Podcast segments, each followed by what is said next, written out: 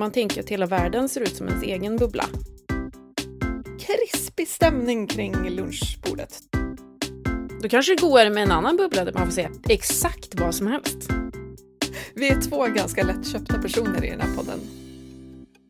Hej och hå, nu är vi igång! Ja, det är vi. Jag tänkte langa en svettig fråga på dig direkt. Eh, Okej. Okay. Hur lättpåverkad är du? Faller du för grupptryck och normer i det sammanhang du rör dig i? Ja, men du går rakt på bara. Ja, ja. Sådär. Ja. Nej, men jag är, jag är definitionen av lättpåverkad, tror jag. är det ängslighet? Jag vet inte.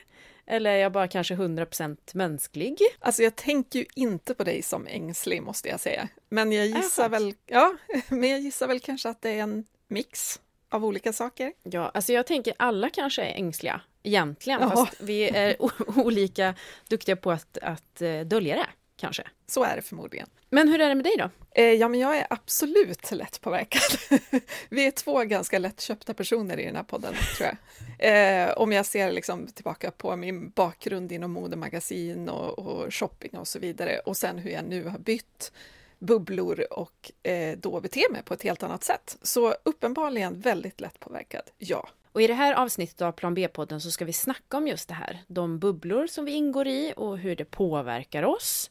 Och vi som ska snacka och ingår i samma bubbla är Maria Soxbo som klev ur en trendig Stockholmsbubbla och in i en klimatsmart Stockholmsbubbla där jag trivs mycket bättre. Mm. Och Emma Sund som har flyttat från min trygga och väldigt homogena bubbla i Midsommarkransen till en ny bubbla på den värmländska landsbygden.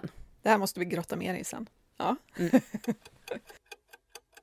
Man vill leva ett, ett liv som är hållbart och man eh, tror faktiskt att man gör det också. Och så upptäcker man att man har utsläpp som skulle kräva fem jordklot om alla levde som jag. Och när man står där liksom naken inför sig själv och, och, gör saker som krockar med den man vill vara. Men då är det en väldigt smärtsam upplevelse. Men samtidigt så ser vi att den här plågsamma upplevelsen verkar vara en sån himla stark drivkraft för omställning. Om det finns ett socialt stöd och ett sammanhang, andra människor som tänker i samma banor som man liksom kan dela det här med. Ja, men det där var alltså en personlig hjälte skulle jag vilja säga. Supersmarta forskaren Maria Wollratz Söderberg som alltid sätter fingret på saker. Tips till alla, lyssna på hennes podd Klimatgap eh, och bli smartare du också. Så vettig och rolig person. Ja, verkligen. Men du, ska vi börja rota i våra egna sammanhang och bubblor? Eh, ja, det här kan ju bli intressant. mm. Ja, jag kan ju börja då. Men jag, jag har ju sett mig själv som vad ska man säga, person, börjar bra, eh, som eh, gillar att slå klackarna i taket, fest, skoj och eh, men, gillar återbruk. Och det har varit ganska lättsamt. Återbruk är ingenting som upprör, eh, om man säger så.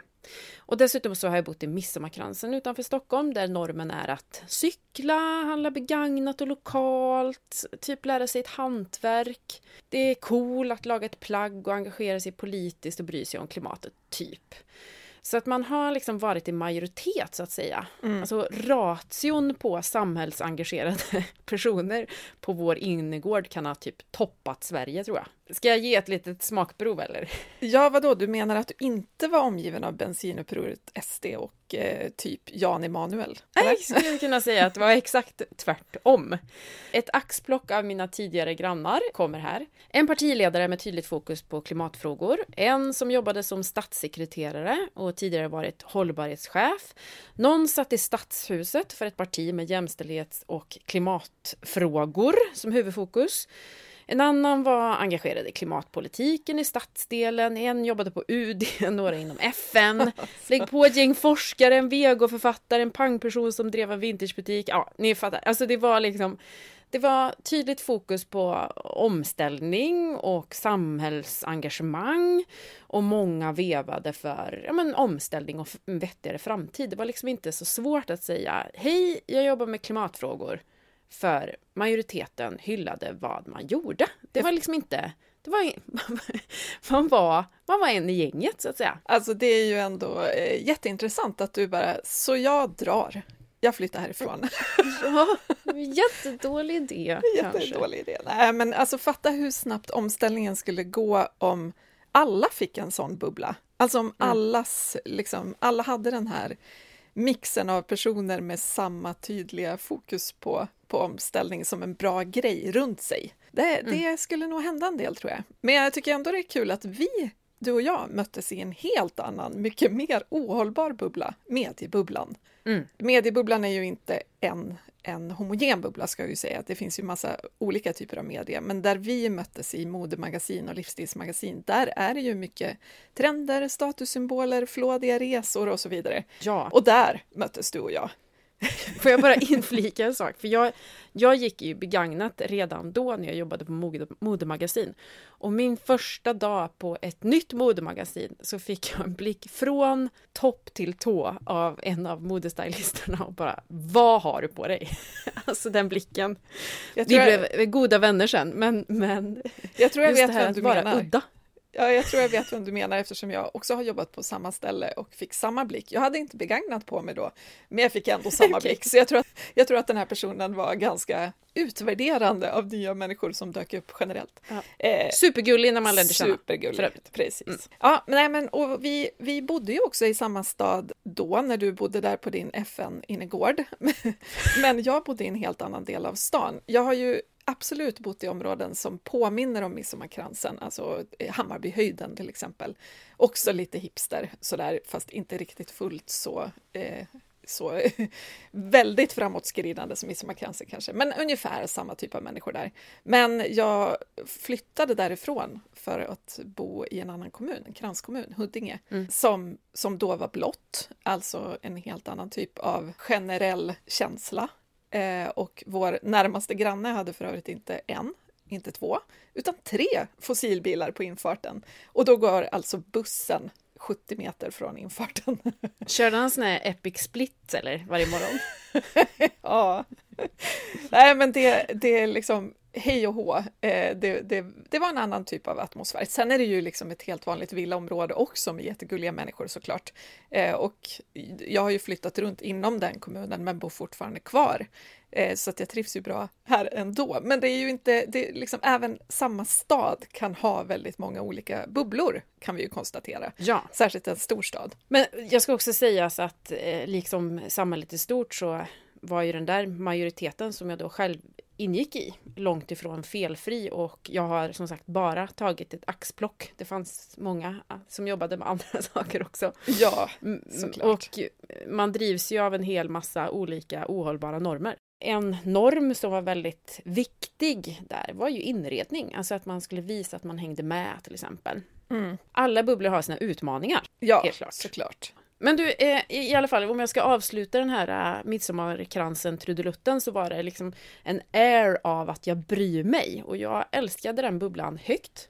Jag Och jag vet det. inte varför jag tog upp det här just nu, för nu måste vi sluta pra prata om det innan jag börjar packa flyttlådan. Eh, hur ser din nuvarande bubbla ut? Eh, ja, men den består ju av dig tänkte jag först säga. Ja, vad trevligt. Plan B-bubblan, pytteliten bubbla på distans. Mm. Nej, men annars har jag väl en lite större klimatbubbla som du också ingår i såklart, men som främst ingår av en, en massa människor som på olika sätt jobbar med hållbarhet. De flesta bor i Stockholm, så jag träffar ju dem ibland även live.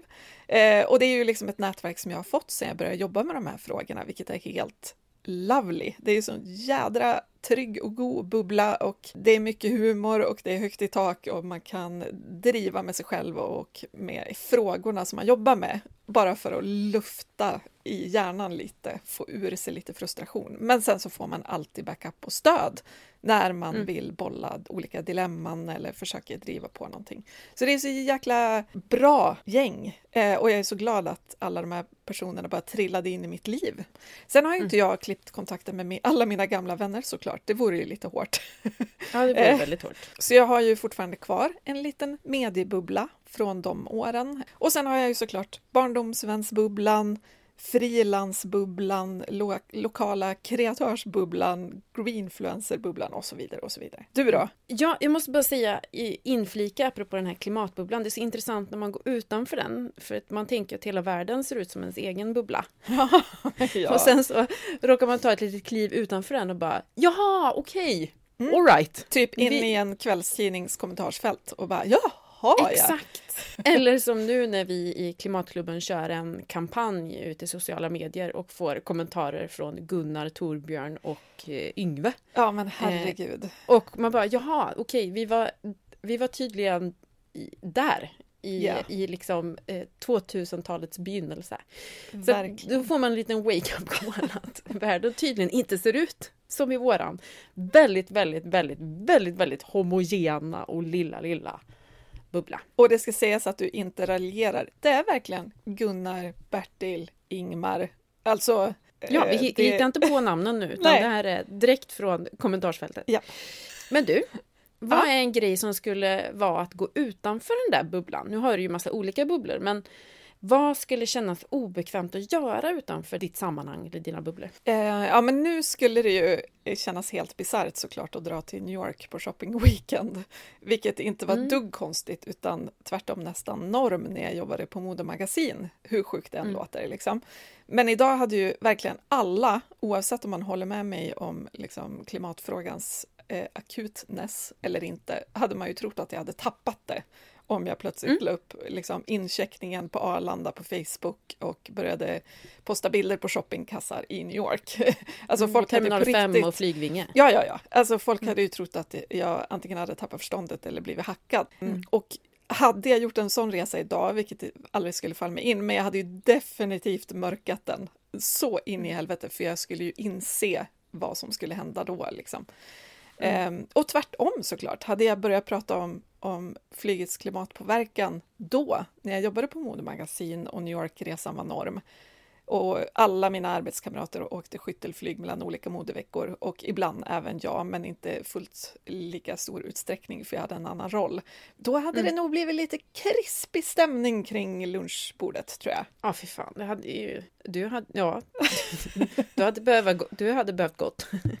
Ja, alltså det, det, hade inte, det hade inte funkat kan man säga. Eh, och det är Nej, ju intressant fan. hur det som då var norm och som man kanske snarare kände, jag menar det är ju inte billigt att dra till New York på en weekend liksom. Och då var det ju snarare att man kände sig lite pressad att göra den typen av saker för att hänga med i snacket.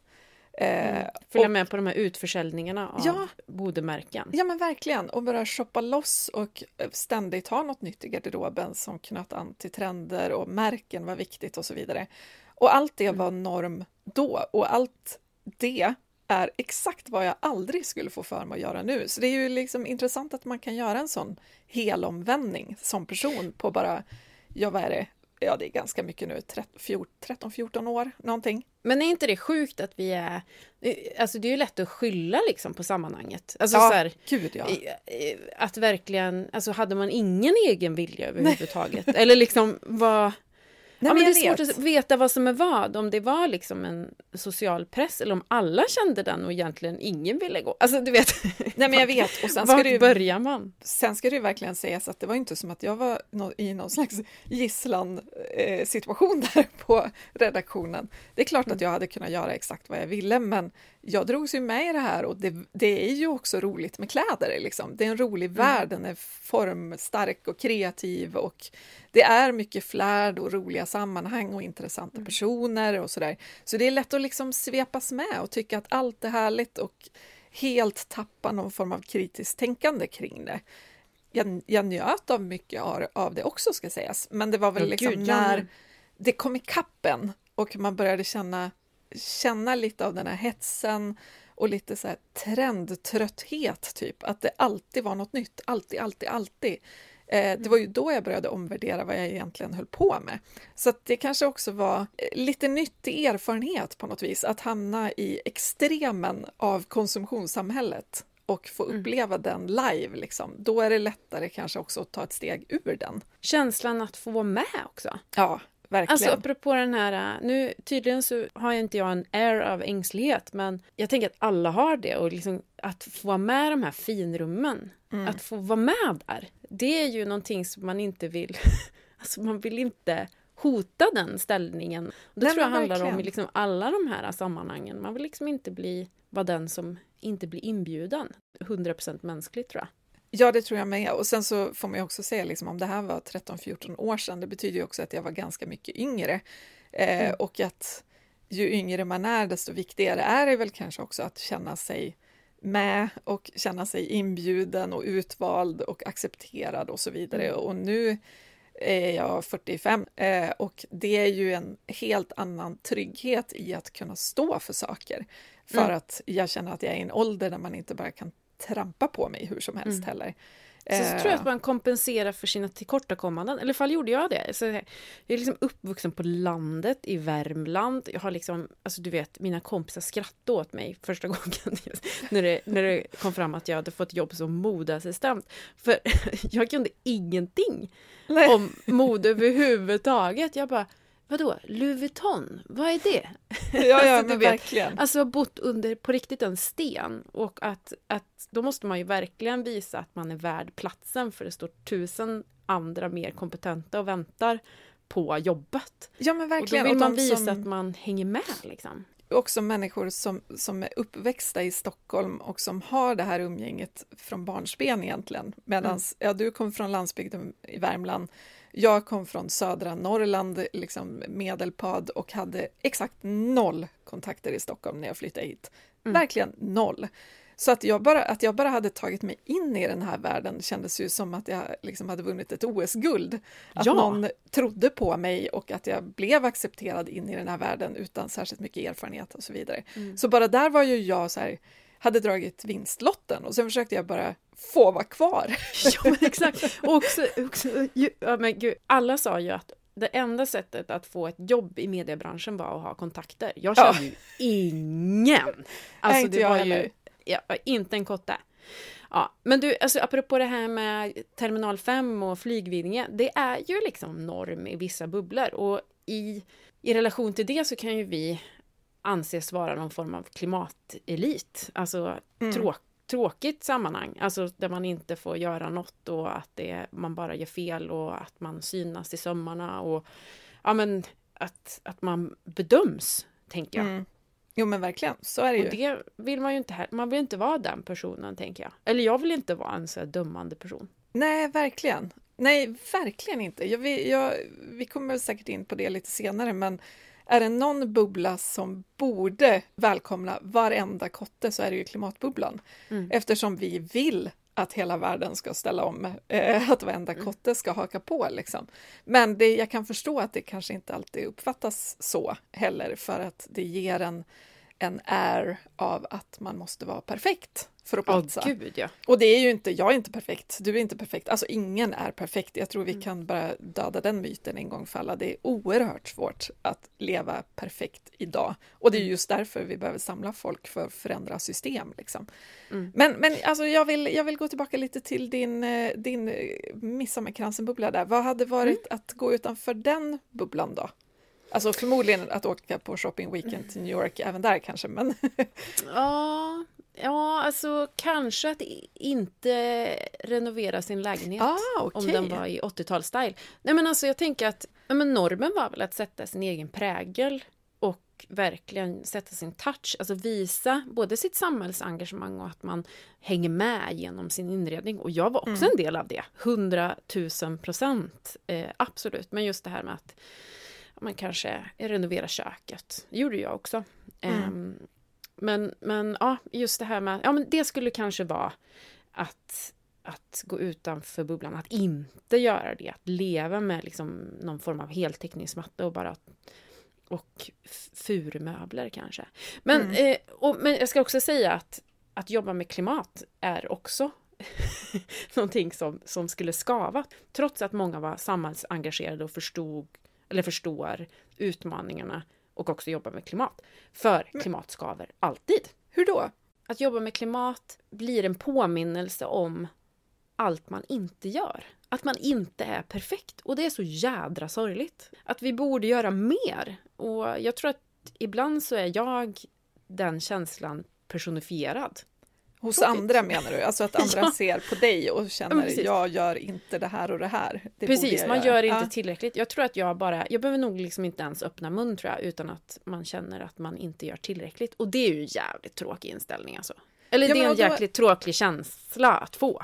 Ja men verkligen, för det är ju verkligen inte det man är ute efter, att det ska på något vis eh, få andra att känna sig dåliga, utan Mm. man vill bara framstå som någon form av inspirationskälla till att det är inte så svårt som man tror, eller det handlar inte om en massa uppoffringar och det är mycket roligt som händer längs vägen och så vidare. Alltså att man vill vara en, en pepp, eh, en morot snarare än, än en piska. Men jag kan ju förstå att man upplevs lite som en piska för någon som eh, liksom är väldigt långt ifrån den typen av livsstil, Mm. som fortfarande flyger och köper allt nytt och så vidare. Då är det ju stora steg att ta. Det förstår jag med, jag har ju varit där.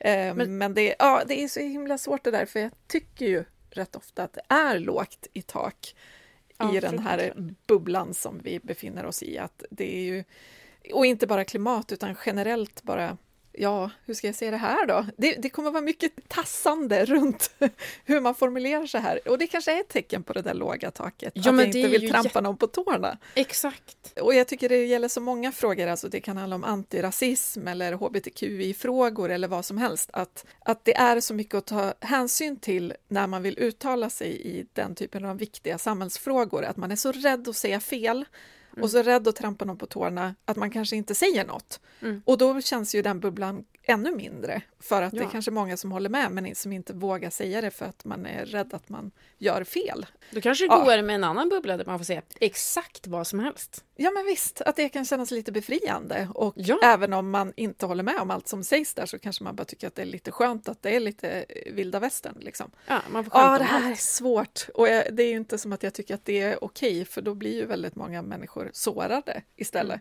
Ja, det här, är, det här är nog ett annat avsnitt men det är intressant. Svårt! Ja men verkligen skit, skit svårt. Men sen så vill jag också säga att jag har nog varit, med tanke på att man har famlat ganska mycket in i den här frågan, så har jag nog gjort en jävla massa fel. Alltså trampat folk på tårna utan att det har varit riktigt meningen och uttryckt Mm. sig plumpt, kanske skammat, eh, ja men varit dålig.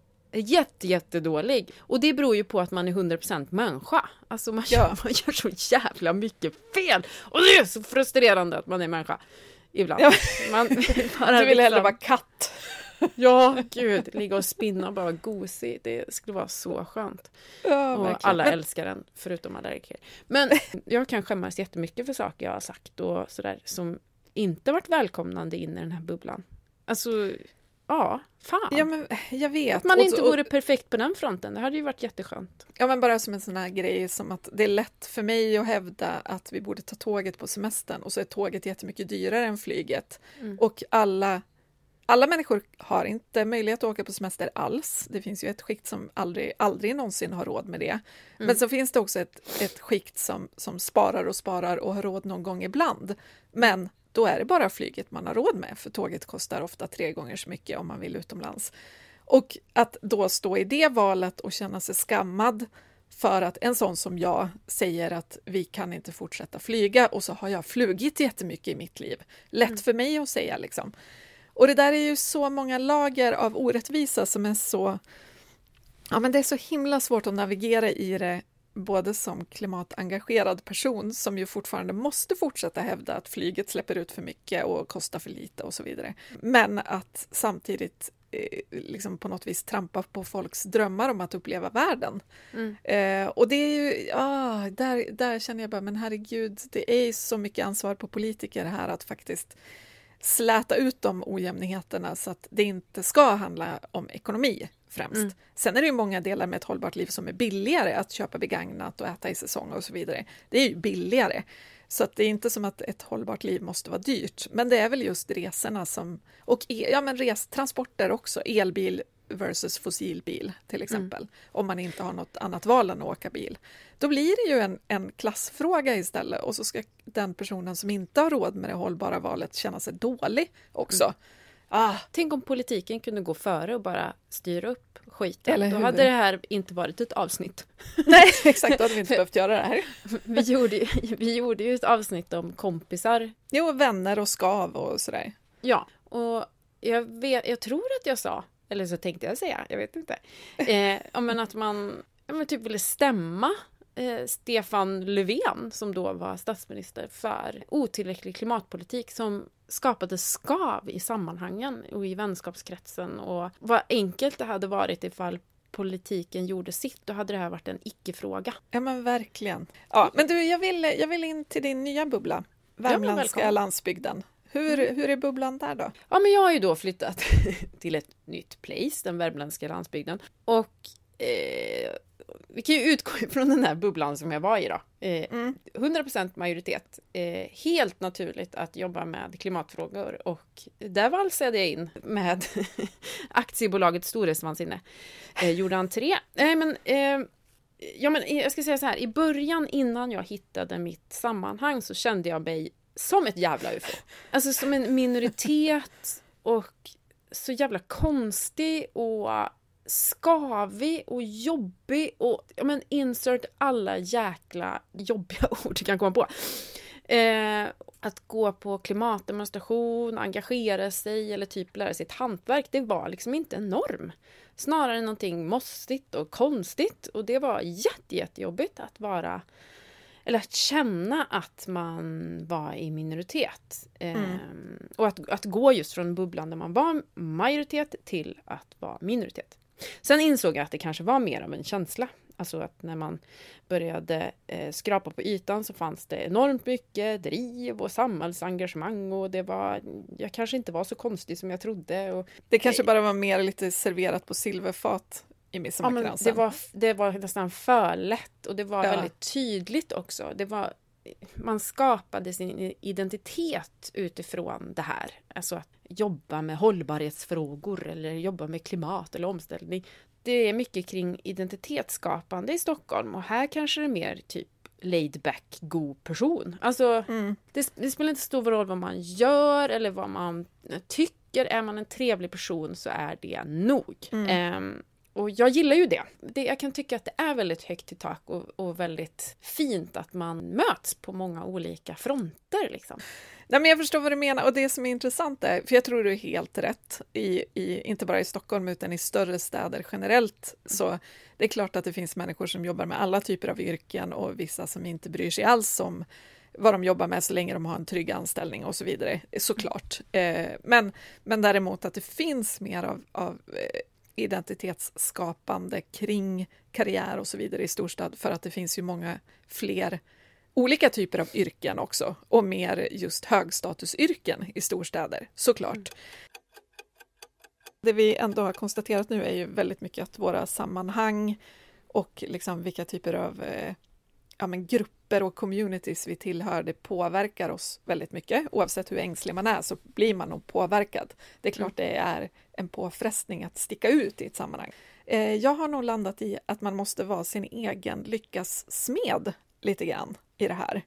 Alltså att om man känner att det skaver väldigt mycket i den bubbla eller omgivning man befinner sig i, då måste man nog söka sig till nya alternativ. För det går liksom inte att så här, omvända den bubbla man är i.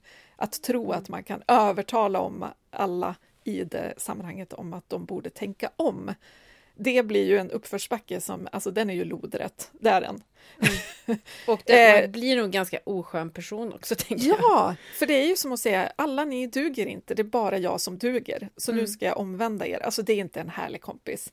Oavsett om det handlar om hållbarhet eller inte så är det inte en härlig person att hänga med. Liksom. Gud, Jag känner att jag är den personen. Jag, jag känner att jag har varit den personen ibland. Usch. Ja, men det är klart Ja. man, man har varit det, men jag tror också att man måste så här, eh, man kan ju fortfarande befinna sig i många bubblor samtidigt och jag tror att det är ganska viktigt. Och om man då själv kommit till en punkt där man inser att ens nuvarande bubbla skaver, då måste man söka sig till en alternativ bubbla också, för annars blir man galen.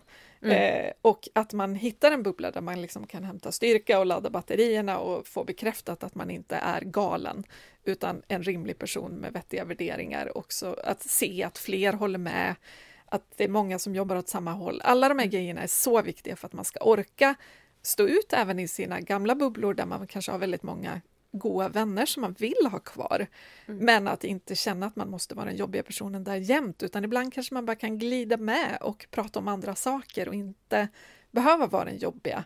Mm. Eh, och det, alltså, jag, jag, tror ju någonstans att, att det blir enklare att stå för sina egna värderingar också, om inte alla runt omkring en drar åt ett annat håll. Mm. För då kan man ju lätt börja ifrågasätta också, vad håller jag på med? Är det jag som, som är knäpp? Eller är, och de andra är normala liksom? Plus att jag tänker också att, som jag var inne på innan, att klimatfolk är ju bland de mest tacksamma grupperna ändå att söka sig till, för vi vill ju få med så många som möjligt. Mm. Och ibland kanske det inte upplevs som välkomnande, precis som vi var inne på, men jag skulle säga att det är välkomnande om man ger det en chans. Ja. Eh, så att hitta en ny bubbla, häng med dem, välj lite i vilka sammanhang du orkar prata om de här frågorna så är det lättare att, att orka hänga i. Ja, umgås med folk där du känner att du är en skön person för då orkar du kanske pressa på samhället istället, tänker jag. Precis, det gör ju trots allt större skillnad i längden om vi pressar på samhället istället för fyra personer på en fest. Eh, ja men verkligen. Jag vill ändå lyfta det här med att snacka omställning och framtid. Ja. Eh, om man nu måste snacka på fest om de här ämnena. På så sätt kan man ju fortsätta vara en, en skojperson. Ja men verkligen, alltså att, att verkligen prata fördelar och vinningar och eh, kul istället ja. för att snacka piskor. Jag har ju sett mig själv som en, ja men jag gillar fest och dans och gillar, jag är skoj. Att jobba med klimat går ganska mycket stick i stäv med det. Jag håller inte riktigt med, för det, man kan vara på fest med klimatpersoner och ha mycket skoj. Ja, alltså... för att, ja, och det är ju det, det är ju de festerna som då nästan blir roligast för att man fokuserar på andra saker. Man slipper ja. liksom känna att man behöver eh, stå till svars för någonting. Eh, ja, men verkligen. Eller liksom, ja, prata så... om något som man faktiskt inte vill prata om när man är på fest. Nej, men precis. Eh... Vi kan väl bara slå fast en gång för alla att klimatpersoner har också humor. Klimatpersoner gillar också att dansa. Klimatpersoner eh, tycker att det är kul att mm. ha fest. Ja. Bara så ni vet allihop. Ja, jag kan säga att jag var på en fest en gång där jag var tvungen att gå in på toaletten och be min man hämta mig för jag på att skapa en så dålig stämning. Så och det var inte klimatfesten utan det var en annan fest. Det var en annan fest. Och jag bara, eh, du måste nog hämta mig. Alltså, det håller på att bli lite dåligt här nu. Åh oh, gud, alltså jag, jag måste säga att jag, eh, jag tycker du är modig. För att det där har jag verkligen medvetet hållit mig borta ifrån. Det vill mm. säga, går jag på fest där jag vet att det är jättemånga eh, personer som jag känner som inte är i samma liksom, situation som jag är när det gäller hållbarhet och klimat, ja men då håller jag mig borta från att prata om sånt. För jag, alltså jag har ingenting emot att gå på företag eller politiker eller generellt prata om de här frågorna liksom i kanaler och sådär. Men jag pallar inte riktigt att ifrågasätta vänner eller hur deras liv ser ut eh, och argumentera med dem. Nej. Det känns för nära. Jag pallar bara inte det. Nej, och jag, eh. tror, jag håller med till hundra procent. Eh, och, jag och sen gör du det man... ändå och går in på toa och ringer din man. Nej, men alltså jag tror inte... Alltså du säger att det är modigt, jag säger att det är dumt. Eh, ska jag säga. För, och jag var nog ganska vevig i början av mitt klimatengagemang när jag liksom inte visste vad jag skulle ta mig till. Man har så jävla mycket klimatångest och jag fattade nog inte hur obekvämt ämnet var heller. Eh, apropå att man då är i en bubbla, Midsommarkransen, bubblan då, där alla tycker typ lika. Alltså, det, man, man, blir ganska naiv av att vara i en väldigt, väldigt homogen grupp, skulle jag säga. Mm. Eh, och, och, jag tar gärna ledigt från liksom klimattjofräsen när jag går på fest. Då vill jag bara vara Emma och ha kul och liksom, ja men verkligen gå på fest. Mm. Men just den här festen så var det någon som tog upp ett ämne i en grupp och liksom adresserade den till mig. Och jag berättade stolt vad jag jobbade med eh, och ett projekt som jag var involverad i. Och jag trodde liksom att jag skulle få den här midsommarkransen-kramen, alltså hejaropet. Men jag blev totalt ifrågasatt. Oh, och så blev jag kallad alarmist. Och då kände jag så här, eh, jag vet inte eh, eh vad jag ska göra nu, nu är jag så obekväm oh, stämning. Och jag, om jag liksom är kvar här så kommer det här, den här bubblan, det kommer inte bli bra. Och jag värnar om den här bubblan, så vad gör jag? Jag måste hem. Ja, ja men jag eh, fattar. Nej, fy fasen vad jobbigt. Och, det alltså. var, och jag tror också att jag blev jag, kan, jag kanske, förmodligen så hanterade jag inte situationen särskilt bra för att jag var jag trodde att jag skulle få hejarop och så blev det Mm. totalt... Jag var så oförberedd, jag tror att det var en chock. I, så jag, jag, ja, jag skulle så gärna vilja spola tillbaka bandet och vara mer beredd på frå, följdfrågorna eller på ifrågasättandet och hantera det på ett bättre sätt, för jag tror inte jag gjorde det heller. Nej, är Nej men liksom- det är ju liksom en, en övningssak. Typ. Ja, alltså gud, att första gången man utsätts för något så är man ju inte beredd. Det är inte så konstigt. Nej, och var, känna att man är i total minoritet. Alltså, Mm. jag var inte... Jag, jag är inte van vid det. Men jag, jag tycker också så här att även om det såklart kan vara lite jobbigt att komma in på fest och alla vet att man är den där klimatmuppen liksom. Mm. Eh, så måste jag ändå säga att jag tycker det är väldigt skönt att vara så jätteöppen och transparent med vad jag tycker. Att jag har liksom Instagramkonto där jag babblar om det här och blogg och podd och alltihopa och skrivit böcker. Att i de flesta sammanhang så vet folk vart jag står. Mm. Och så är det de som måste förhålla sig till det istället för att jag går in i ett rum där jag ständigt måste bestämma mig för vem jag ska vara. Om Mm. jag ska vara klimatmuppen eller om jag ska låtsas passera som en, en vanlis som, som lever som genomsnittliga svenskar och med, med de värderingarna. Jag behöver inte välja för de flesta som träffar mig. Nu låter det som att jag är Michael Jackson, eh, så kände jag inte. Men i de sammanhang jag rör mig så vet de flesta vart jag står. Eh, och det jag tycker det är skönt, för sen behöver ju inte jag trumma så hårt på den trumman om jag inte vill, utan jag kan bara gå in och säga hej, jag heter Maria och vad kul och vad jobbar du med och vad ska vi, vad ska vi käka till lunch? Eh, alltså, jag behöver ju inte spela så hårt på det, men de flesta vet ändå var jag står och jag tycker att det är skönt. Mm. Jag, jag, är så här, jag kommer med en innehållsdeklaration liksom, tryckt Mm. på tröjan. Det är trevligt. Och vissa dagar är ju jättehärligt att ha den. Andra dagar Ja. kanske man bara vill typ eh, försvinna i en hoodie. Och liksom Ja, men inte verkligen. alltså, man är ju alltså, man är ju inte, man är ju inte en maskin liksom. Nej, precis. Men det, det jag, jag tycker verkligen, för den frågan får jag ju ibland så här, har det varit värt för dig att gå från att vara modejournalist och inredningsbloggare som jag var innan och sådär. Mm. Har det varit värt för dig att, att göra den här omställningen så synligt? Mm. Och jag måste ju säga 100% ja på den. För att jag Mm. tycker att det är skönt att jag inte längre står öppet för det jag gjorde då. För Mm. då var jag ju också en person, fast som stod för helt andra saker i många sammanhang. Eh, och jag tycker det är så värt att våga höja rösten i Mm. frågor så att folk är lite mer medvetna om vad man tycker och eh, vilka frågor som är viktiga för en och så. Eh, jag vill snacka om eh, pri eh, privatklubben. Nej, det vill jag inte göra. Jag vill prata om klimatklubben. Ja, för det, vi startade ju faktiskt Klimatklubben för att skapa en bubbla, eller hur? Mm. Där man kunde känna att det fanns fler som fnulade på samma grejer. En ny bubbla där man kunde hitta klimatkompisar. Ja, exakt. Det vore intressant att veta hur många som faktiskt har hittat nya sammanhang genom just klimatklubben. För det Mm. handlade ju just om det där att, att känna att man inte var ensam. Precis, och det är ju en svårmätt grej.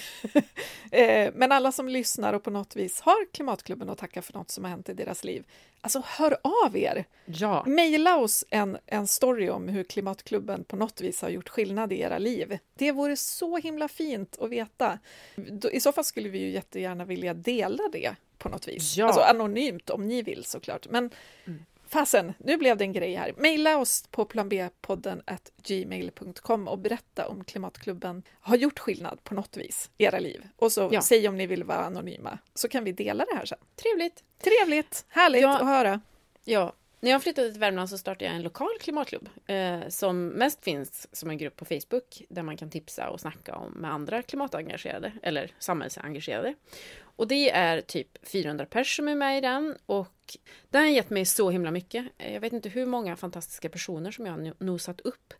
Och några jobbar jag med idag genom olika projekt tack vare den här eh, klimatklubben Karlstad. Det är ändå häftigt tycker jag. Ja, men det är häftigt. Och nu flyttade ju du förvisso hem igen, Mm. det vill säga du hade redan vänner i bygden och så vidare.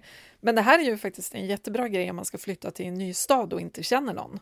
Att Ja. hit, hi- liksom nosa upp rätt typ av personer som man vet att man kommer ha mycket gemensamt med. Mm. Gå med i den lokala klimatklubben om det finns en, eller starta en för att Mm. så här, pinpointa en viss typ av personer som drivs av samma saker som du gör. När jag flyttade hem så hade jag ju mina kompisar här, eh, som jag känt från gymnasiet, en trygg bubbla. Och sen så ville jag liksom ha det här klimatengagemangsbubblan också. Alltså mm. massa olika bubblor som kompletterar varandra bäst. Jag tror också den lokala grejen är generellt så himla viktig. Både för att det är lättare att påverka lokalt än nationellt ja. eller internationellt. Men också för att det finns sån himla kraft i att kunna ses och hänga med varandra. Mm. Och jag har ju som ett litet gäng runt sjön där jag bor och alla de jobbar inte med hållbarhet, men de allra flesta, alltså jag skulle nog säga 100% har ändå ett klimathjärta på rätt ställe. Mm. Och det känns så himla fint att ha folk inom räckhåll. Plus ett par av dem kan jag till och med kalla kollegor nu och vi hade ju inte hittat varandra utan den här lokala anknytningen. Mm. Så att det, och vi, du och jag brukar ju också predika i föreläsningar om att det här lokalsamhället är så viktigt just att man ska ha saker inom gång och cykelavstånd och service och allt det här. Ja men så att det är lättare att, att göra rätt och det är ju en viktig del av att bygga ett community kring de här frågorna också. Verkligen. Alltså fy fan vad fint. En spännande grej som har uppmärksammats den senaste tiden är ju att Anita Clemens har gått ut och sagt att hon inte ska köpa ett nytt plagg på ett kvartal. Mm. Och jag tycker det här är så häftigt. Alltså, jag tycker det är... Ja, jag finner inga ord, för jag gissar att hon ingår i ett sammanhang där det här inte är direkt en fråga som man vill ta i, gissar jag. Mm. Eh, dessutom slår hon undan benen för sin egen försörjning. Kan vi prata om hur modigt det är? Tack. Ja, men verkligen. Och, och jag vet, jag har sett kommentarer som har varit så här, men ett kvartal, hur mycket är mm. det? Och att, ja men om hon fortfarande flyger, alltså att man letar felen i mm. det här som hon gör. Och jag tycker det är så bakvänt sätt att se på något sånt här, för att jag tycker precis som du att det är svinmodigt. Just för att hon är i ett sammanhang som inte är en klimatbubbla i mm. första hand. Eh, och det finns en sån makt i att en sån som hon gör ett sånt statement för att hon når ju också människor som du och jag absolut inte når. Mm. Eh, sådana som lever som hon och som förmodligen håller sig borta från sammanhang där man blir påmind om klimatfrågan och sådär. Och då är det väldigt mäktigt av henne att våga vara den obekväma rösten som mm. säger det här, jag, hur jag har levt är inte hållbart och jag vill förändra det Eh, hoppas ni vill lyssna, typ. Hoppas ni vill hänga med. Mm. Och ja, nej, men jag, jag tänker att allas resa måste ju börja någonstans också. Och jag, jag menar, ja, min resa började ju någonstans. Jag levde ju typ som hon för 15 mm. år sedan. Eh, inte fullt lika eh, stor plånbok, men, men liksom, det är ju, jag känner ju definitivt igen mig i det hon skriver. Alltså, då tycker jag det är så snett om man får kritik för att man mm. vågar ta de första stegen. Det är ju, det är ju så man tappar en sug. Liksom. Alltså de kommentarerna har väl du också fått? Alltså de har ju jag garanterat fått under min Ja, men li, li, ja, alltså inte i så stor utsträckning. Jag måste säga att jag har världens snällaste kommentarsfält. Jag mm. tackar högre makter för det varje dag. För det, jag har otroligt förstående och nyanserade följare. Tack för er! Liksom. Men det är klart att då och då har det smugit sig in någon som, som ifrågasätter, som ofta inte är en följare heller, utan som har hittat till mig via att någon har delat något. Och så mm. försöker man leta fel. Um, men jag tycker någonstans så här, ja men peppa för sjutton! Peppa mm. alla! Eh, klimatbubblan ska ju vara fylld av härliga människor man vill hänga med, inte folk som skammar och skäller. Och alla har en roll att spela i att den känns härlig och välkomnande och rolig och framtidsljus. Ja, verkligen. Jag vill bara säga att mina följare är bättre än dina. Så att det kommer med. Ja, Faktiskt. Ja, absolut. Faktiskt. Det är en tävling. Eh, ja. Det Ja. Apropå att vara ängslig och att man är ett flockdjur. Jag tycker att det är väldigt tydligt att man är ett flockdjur och väldigt ängslig och vill göra rätt. Eh, just när man får såna kommentarer på sociala medier. Det är ju, sånt, mm. det är ju de man minns. Eh, ja, de kritiska, oh ja. det är inte hejaropen. Långt ifrån. Eh, och jag kan säga att eh, jag skulle inte ha varit i, här där jag är idag om det inte vore för mina följare. Som Nej, har ifrågasatt verkligen. mig. Alltså okej, okay, det har inte varit kul alla gånger. Långt ifrån. Jag har verkligen puffats att ifrågasätta hur jag lever och hur jag väljer. Ja, men och inte bara att, att eh, man blir ifrågasatt utan också minst lika mycket att följare delar kunskap och erfarenheter med en.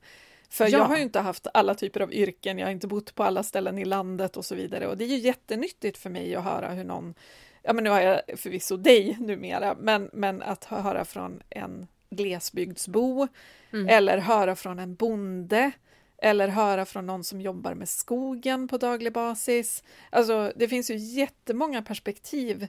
Eller för all del någon som, som eh, har kommit till Sverige från ett annat land och Mm. hur, hur, vilka sammanhang man hamnar i då och så vidare. Och klassfrågor både, åt båda hållen ska sägas. Jag har, har fått superrika människor som har hört av sig och berättar om i vilka kretsar de rör sig och hur folk lever där. Och människor som verkligen lever på existensminimum som hör av sig och pratar om hur de ser på hållbarhet. Alltså det här är ju så himla nyttigt för mig att höra som är väldigt medel. Jag är liksom hetero och vit och medelklass och bor i storstad och eh, ja, men, har två barn och eh, du vet, jag är så himla genomsnittlig.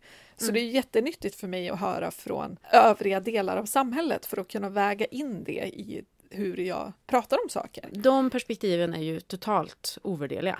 Mm, verkligen. Tack samhället, tack följarna för det. Men en grej som jag funderar mycket på också är att jag tror att det finns en känsla av hopplöshet rätt ofta för att just att man snubblar in i Aftonbladets kommentarsfält och bara oh fuck, det här kommer aldrig att gå, det är så många klimatförnekare eh, och sådär. Att man känner att hur ska vi kunna övertala Ingmar och Gösta om det här? Eh, det finns även klimatförnekande kvinnor ska sägas, men inte riktigt lika många. Eh, men, men det jag tycker är så viktigt att påpeka också är att vi inte behöver övertyga alla, utan vi behöver kritisk massa. Och det brukar man säga är någonstans mellan 10 och 30 procent, det vill säga en minoritet faktiskt. Så du och jag brukar ju prata väldigt mycket om att den man ska prata med, om man själv är klimatengagerad och så vill man börja prata klimat med människor i sin omgivning, börja med den lägst hängande frukten. Det vill säga de som du ser kanske redan nu, alltså de kanske är, äter vegetariskt för, av djurrättsskäl. Eh, eller cykla till jobbet för att de vill ha träningen men inte egentligen har något klimattänk. Där finns det ju något som man kan bygga vidare på. Och den typen av personer som ändå står och väger lite, som köper eko men inte riktigt har koll på att kött är en stor grej. Alltså det finns ju någonting att bygga på där istället för att gå på Gösta 59 som eh, hatar Greta. Liksom. Det går ju inte. Och jag tänker att går man på den lägst hängande frukten då når vi kritisk massa ganska fort. Och de här sura gubbarna som hänger högst upp i äppelträdet, de trillar ner till slut ändå. Alla äpplen blir fallfrukt förr eller senare. Eh, så att det, de lågt hängande frukterna, det är liksom de som kan bli ens nya sammanhang också. Ja. Och där har man ju en roll, alltså att bjuda in eller haka på om man ser någon som, som alltså att man själv är den lågt hängande frukten och ser någon som gör något och så hakar man på den. Och att se sig själv som någon som man kan kroka arm med, tror jag är jätteviktigt. Jag tänker också, apropå sammanhang, är du uttalat klimatengagerad och alla i din vänskapskrets vet om det? Mm. Hylla de som tar ett litet steg, för du sitter på enormt mycket makt. Det här var det en kompis som sa till mig en gång, att jag borde vifta med mitt spö, eh, mitt magiska spö lite oftare. Och det där har jag tänkt på, att det är så viktigt att liksom hylla och lyfta de små stegen, även om man inte gör liksom allt, så behöver man en knuff i rätt riktning. Och kroka arm med andra, annars kommer du typ dö inombords. Ja. Slutord. Nej. Slutord. Nej, men, och jag tycker också att det finns en poäng här i att eftersom klimatfrågan är så stor och komplex och rör typ allt, så kan man ju vara jätteduktig på ett område inom det här eh, och då ha en viktig roll, även om man inte har kommit så långt inom andra bitar. Det vill säga, säg att man är grym på att laga vegomat. Då kan man ju inspirera jättemånga inom det, även om man är en person som fortfarande flyger på semestern och som bara har nyproducerade plagg i garderoben. Men man är bra på att hjälpa människor ställa om sin kost. Och då tycker jag verkligen man har en roll att spela, även om jag kan förstå att det känns som man ger sig ut på hal is där. Men man behöver ju kanske inte trycka allra hårdast på klimatargumentet, utan bara se till att vara en inspiratör inom vego, hjälpa folk som försöker ställa om sin kost och tipsa och eh, ja, men vara en förebild inom det. Eh, och då gör man skillnad. Obs, obs, obs. Jag fattar att det är skitfrustrerande. Man vet att vi typ har liksom sju år på oss. Ja. och så ska man liksom inte säga något, det blir också skitsvårt. Alltså det här är den knepigaste, är den knepigaste frågorna vi har just nu. Hur Mm. man ska vara en god vän, eh, hur man ska liksom kunna hylla samtidigt som man ska vilja på, samtidigt som man vill påverka samhället. Man vill skapa en god värld för sina barn och sig själv. Man vill känna att man har gjort någonting när man hade chansen. Skitsvårt! Jag har gått på alla nitar, jag har gjort alla fel man kan tänka sig. Eh, gör inte som jag. Eh, försök påverka uppåt. Le, Ja, jag säger som precis. Am Amelia Adamo, le och leverera. det, det här blev ett jättekort eh, bonusavsnitt, inte. Men eh, ska vi avsluta med eh, lite taggat lösningssnack? Ja, det gör vi. Hur gör man då när man ingår i bubblor och sammanhang för att påverka och vara en god person samtidigt? Åh gud, den stora livsfrågan, 10 000 Mm. kronors frågan. Ja, men det finns ju en massa bra sätt som bidrar till att det här ska gå lite lättare såklart. Så att Mm. eh, här är lite olika saker. Min främsta grej skulle jag säga är att faktiskt jobba ideellt, alltså att hitta ett sätt in i nya sammanhang genom att erbjuda sig att Mm. hjälpa till med olika saker. Och det kan ju vara något man är bra på, att man är fotograf till exempel och då kan man hjälpa till och bidra genom att säga att man, ja men som fotografer har gjort till oss och be, låtit Klimatklubben använda deras bilder gratis för att kunna göra Instagram-inlägg till exempel. Bra sätt att hjälpa till och samtidigt få lite nya kontakter som utgör en klimatbubbla.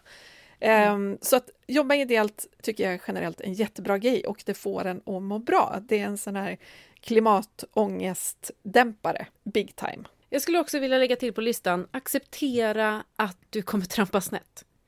Och verkligen. acceptera att andra gör det också. Vi är bara människor. Ja men verkligen, och även bakåt i tiden. Alltså jag försöker ju lyfta i så många sammanhang jag kan att jag har flugit för mycket. Att jag har varit en person som har haft en helt eh, galen garderob och köpt väldigt mycket nya plagg. För att det går att relatera till en person som inte alltid har levt perfekt. Jag lever ju Ja. inte perfekt än idag såklart, men, men det är kanske svårare att re- relatera till mig idag om man är en person som inte har tagit första steget än. Och då vill jag bara säga att ja, här, kan jag så kan du.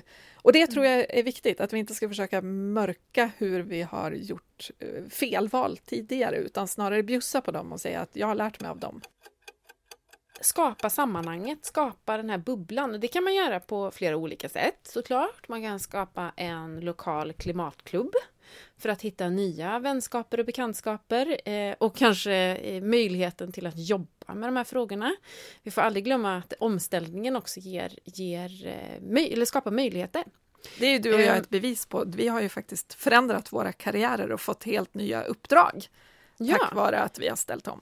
Och prata om klimatfrågan i termer av framtid och omställning, om att eh, göra till exempel företaget resilient mot eh, andra tider. Ehm, och att man måste vara liksom först på bollen. Det är mycket det som Anita Clemens pratar om, att men det kommer lagar inom EU, jag måste liksom hänga med i matchen, annars är jag liksom totalt ute. Så om hon slår undan benen på sin försörjning nu så kommer hon vinna i det långa loppet, gissar jag att hon, hon resonerar. Eh, Och här kan man ju engagera sitt, Eh, sin arbetsplats, ta in oss som föreläsare, att prata om möjligheterna, vad som görs på andra håll, i andra städer, i- på andra, i andra länder, eh, för att skapa framtidstro, för det behöver vi också. Eh, och sen vill jag slå ett slag för sociala medier generellt. Det vill säga följ och kommentera på en person som du tycker har rätt värderingar och se om ni kan liksom få en kontinuerlig dialog. Jag har ju följare som inte kommenterar så mycket synligt på mitt konto, men som DMar mig hela tiden med diverse inspel om det jag har skrivit eller något de själva har tänkt på som de tycker att jag borde ta upp och sådär. Och det är människor jag aldrig har träffat, men det känns som vi ändå har en relation. Och det är ju så bara fint. härligt. Det, är ju liksom, det känns bara mysigt och likadant att gamla barndomsvänner som jag inte haft kontakt med på 20 år hört av sig för att de också har börjat grubbla på de här frågorna och vill bara bolla hur de ska hantera tonårsbarn som vill shoppa saker eller så, hur man kan tänka i de frågorna och så här. Så att det, det finns så otroligt mycket möjligheter till bra dialog i sociala medier och det är ju också mitt Långsjönsgäng där. Eh, det började ju genom Instagram, att vi insåg att vi alla bodde ganska nära varandra och började DMa. Så Mm. det finns så mycket potential i sociala medier, sociala medier. Det är inte bara dåligt som det lätt framstår som ibland. Jag tycker också att det är viktigt att visa sig. Ja. Eh, nej men som i, i kommentarsfältet exempelvis, att visa att man står bakom någonting. Det är jätteviktigt, för då också visar man andra vart man står och får andra att kanske våga uttrycka sig. Och generellt också, eftersom vi vet hur algoritmer funkar, att engagemang gör vissa inlägg synliga, Ja. så kan man ju också tänka att en, min lilla insats idag blir att kommentera på fem inlägg som handlar om hållbarhet, så att de syns för lite fler människor. Eh, och att kanske inte kommentera på inlägg som inte borde nå så jättemånga fler, eh, för att det hetsar till shopping eller vad det nu kan vara. Så där, där gör man ju en liten insats, även om den såklart är, är inte känns mega stor, men den, den kan ju göra skillnad för att normer styrs ju väldigt mycket av vad vi ser också. Ja, och det, det är ju faktiskt jätteviktigt, just kommentarsfälten. Alltså, Ja, eh, på ett konto som fokuserar på klimat och framtid och omställning, det kan du se som den lokala ICA-handlaren. Vill du ha kvar den, då får du handla där också. Eh, A.k.a. kommentera, om inte det var supertydligt. Ska vi sammanfatta det här med någon slags lärdom då? Ja. Och det är väl framförallt att omge dig med människor som redan beter sig som den förändring du vill skapa i samhället. och när du går på fest, fokusera på att ha kul. Ja. och hörni, alla ni som gör smått och stort i vardagen, heja er! Ja. Vi vill bara skicka pepp och kärlek och eh, en energiboost till er. Mm. För ni gör bra saker och även om det är motigt ibland så är det helt rätt spår. Så fortsätt att kämpa. Ja, och nu eh, kanske det låter lite narcissistisk, eh, slash låter som att jag ska dö imorgon. Men tack för alla som har hejat på. Ja, Fan vad det verkligen. betytt så jävla mycket när man står där och känner sig typ som ett så konstig. Tack! För Ja, tack. att alla ni som får en att känna att man är typ lite vettig ibland. Det känns Ja. väldigt fint. Det gör det. Tack snälla ni. Vi hörs snart igen. Det gör vi. Hej!